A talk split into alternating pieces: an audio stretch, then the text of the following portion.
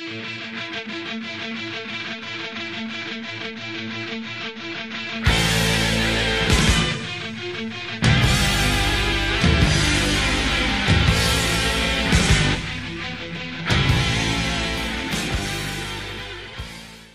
og velkommen til vår podkast 'Psykologi og fremmedspråk'.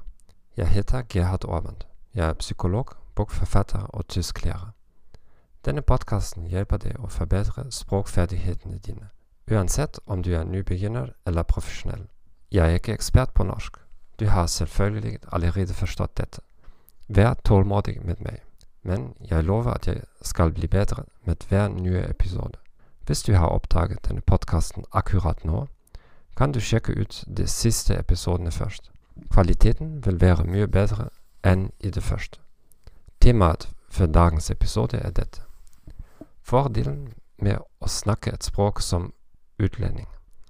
Jeg håper at du ikke gikk glipp av vår siste episode. Frykten for at andre korrigerer deg offentlig. Du kan finne alle podkastepisoder i arkivet vårt. Hvis du vil høre på denne podkasten på et annet språk, kan du gå til vår hjemmeside thegomethod.org slash podcast, thegomethod.org slash Norwegian. Saboterer du din egen suksess med å lære et fremmedspråk, og kaster du bare tid og penger på uproduktive aktiviteter, oppdag de 21 feil jeg selv har gjort de siste 20 årene, og lær hvordan du kan unngå dem ved å lese den, min nyeste boka, 21 Self-Limiting Beliefs in Learning a Foreign Language. Boken er tilgjengelig som lommebok og i Kindle-format på Amazon. Du finner den direkte lenken her på nettstedet til podkasten. La oss starte. Fordelen med å snakke et språk som utlending. Mange av oss har et mindreverdighetskompleks fordi vi bare snakker engelsk som en utlending, eller hvilket som helst annet språk. Vi tenker hvis jeg bare hadde blitt født i Storbritannia eller i USA. I virkeligheten har du en stor fordel fremfor ekte amerikanere eller briter. Det er lettere for deg å tilpasse deg aksenter og dialekter. Jeg kommer fra Nord-Tyskland. For meg ville det være nesten umulig å tilpasse seg en østerriks- eller sveitsisk aksent. Og selv om jeg prøvde, ville jeg føle meg som en bedrager. For en utlending som flytter til Østerrike eller Sveits, er dette mye enklere. Hans sinn er ikke lastet som mitt sinn, med tusenvis av timer med å lytte til en nordtyske aksent.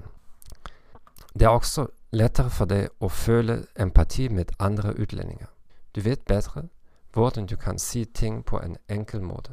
Dette er en stor fordel i en globalisert økonomi der mesteparten av kommunikasjonen på engelsk er mellom to utlendinger. For eksempel snakker jeg som tysker engelsk med en kollega fra Slovakia eller fra Tyrkia. Og som utlending er du mer nysgjerrig. Du forstår at du stadig må lære nye ord og øve inn grammatikken. En ekte tysk eller amerikansk er ofte for selvtilfreds. Han eller hun bryr, seg ikke om å jobbe med ordforrådet eller grammatikken deres. Derfor snakker en utdannet utlending ofte bedre enn den ikke utdannede lokale statsborgeren. Takk for at du har lyst til på podkasten vår Psykologi og fremmedspråk. Jeg håper denne informasjonen var nyttig for deg. Abonner på kanalen vår på Apple Podcast, Spotify, Stitcher eller favorittappen din. Vennligst anbefale oss til dine venner og kolleger. Som jeg lovet før, vil språkdelen bli bedre med de neste ukene. Og la meg få vite hva du synes om dagens episode. Bare skriv meg en e-post. Fortell meg hvilke spørsmål du har, slik at jeg kan svare på dem i en av de kommende episodene. Jeg ønsker deg en fin dag, og farvel.